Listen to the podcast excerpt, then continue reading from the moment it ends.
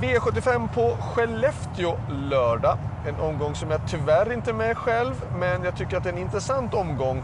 Eh, intressant spelmässigt, några såklart väldigt hårt betrodda, men också finns det lite intressanta motbud.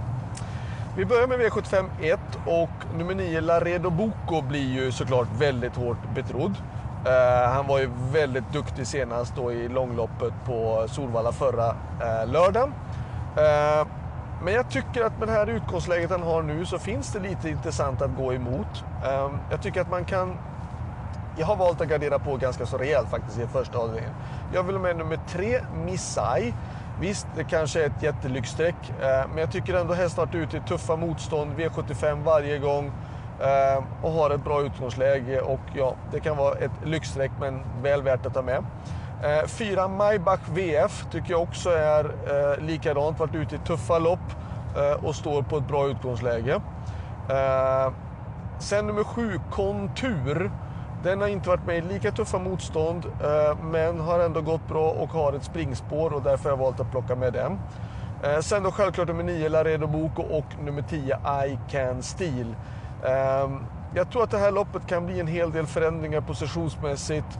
Och jag kan tycka att, ja, endera ska man ta 9 Laredo Boko eller ska man ta ganska så många hästar. Och då har jag valt då 3, 4, 7, 9 och 10. Avdelning 2. Eh, återigen Robert Berg, nummer 5, Timo Juttila som är en väldigt fin häst och han kommer ju såklart bli betrodd. Eh, men jag tycker också i det här loppet eh, finns det motstånd och Timo Juttila kommer med två raka nollor.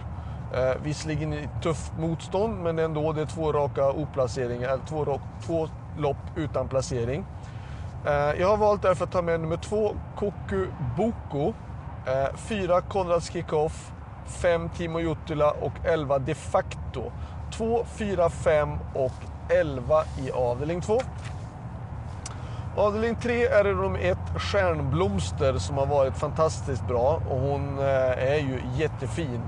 Nu har hon dock dragit spår 1 på 1600 meter bil och det gör ju att man blir lite så Hon klarar inte att hålla upp det senast på Hagmyren, men då är i och för sig Hagmyren som det är svårt att hålla upp från spår 1. Ehm, Stjärnblomster ska ju såklart rankas etta, hon är jätteduktig. Men 7 Grislodin GL har visat kanonform, jättestark och eh, visst, han har dragit spår 7 så han har nästan längst ut. Men jag tycker ändå att jag vill ha med båda två. Eh, och jag har även valt en tredje häst i nummer 6, Filip S, för att Magnus sa Ljuse ska köra den. Eh, och ja, om nu två stycken träter så kan Filip S vara den tredje som kan avgöra i sådana fall. Så 1, 6, 7 i avdelning 3. Avdelning 4, ja. Eh, 1 Samedi tycker jag är intressant. 6 eh, Make It A Star. Marcus Svedbergs hästar har visat jätteform på slutet. Eh, men jag har även valt att plocka med nummer 1 Samedi på start. Från 20 meters tillägg har jag valt nummer 9 Juno Beach, 12 In Invidia och 13 Kera de Velöve. Har man råd att plocka med en häst till, då vill jag ha med nummer 5 Olli Håleryd i sådana fall. Så 1, 5, 6, 9, 12 och 13 har jag valt i avdelning 4. Avdelning 5 Stor tung favorit är nummer sju, Ridley Väck. Och det finns egentligen ingen anledning att gå emot. Ridley Väck har varit ute i stentuffa gäng eh, varje gång. Sist så fick han stryk av eh, San Motör och det är inte så mycket att säga om egentligen. Det var ju ändå jubileumspokalen, jättebra hästar. Eh, så för mig är det spik på nummer 10, Ridley Lavec. Han är startsnabb, han har ett bra utgångsläge och han möter inte heller någon sådär jättebra motståndare kan jag tycka. Um, värst emot, ja, jag vet inte vem jag ska säga i sådana fall. Nio Even Schoolboy har vi nämnt massa gånger, man vinner inte så ofta. Um, fem Gasolin Miraz har utgångsläget men kommer från en galopp. Nej, jag hittar ingen riktigt. Det är alltså ändra tre Ridley Veck eller jättemånga hästar. Avdelning 6, då har jag valt istället att spika Robert Berg med nummer 10 LL Royal.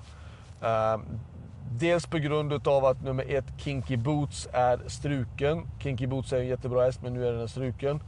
Eh, och då tycker jag att det här loppet blir ett, ett billigt lopp, får man säga så? Eh, även om det är V75. Jag tycker inte att det är jättetufft motståndsmässigt. för 10 eller Royal. Visst, det finns en risk att han kan bli fast på innerspåret men på 3140 meter. Nej.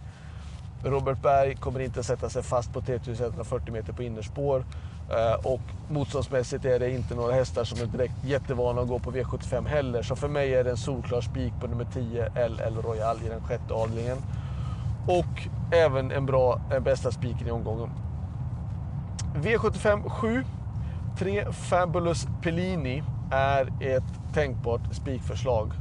Eh, hon är jättebra och hon har ett bra utgångsläge. Vill man gardera, ja då tycker jag att 7 Beat Generation är den som är värst emot.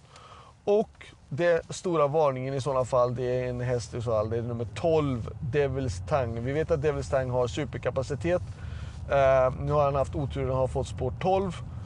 Men skulle det bli så att det blir uh, lite körning i loppet och uh, Sander Eriksson får en hyggligt bra löpning så tror jag att Devils Tang är lika bra som Fabulous Bellini. Ehm, men den har ju då som sagt det mycket sämre utgångsläge och spikförslaget får ju bli då nummer 3 Fabulous Bellini. Slutsummering, ja. Bästa spiken, den är då faktiskt utan tvekan tycker jag i den sjätte avdelningen, eh, nummer 10 LL Royal. Eller eh, i den femte avdelningen, nummer 3 Ridley Lavec.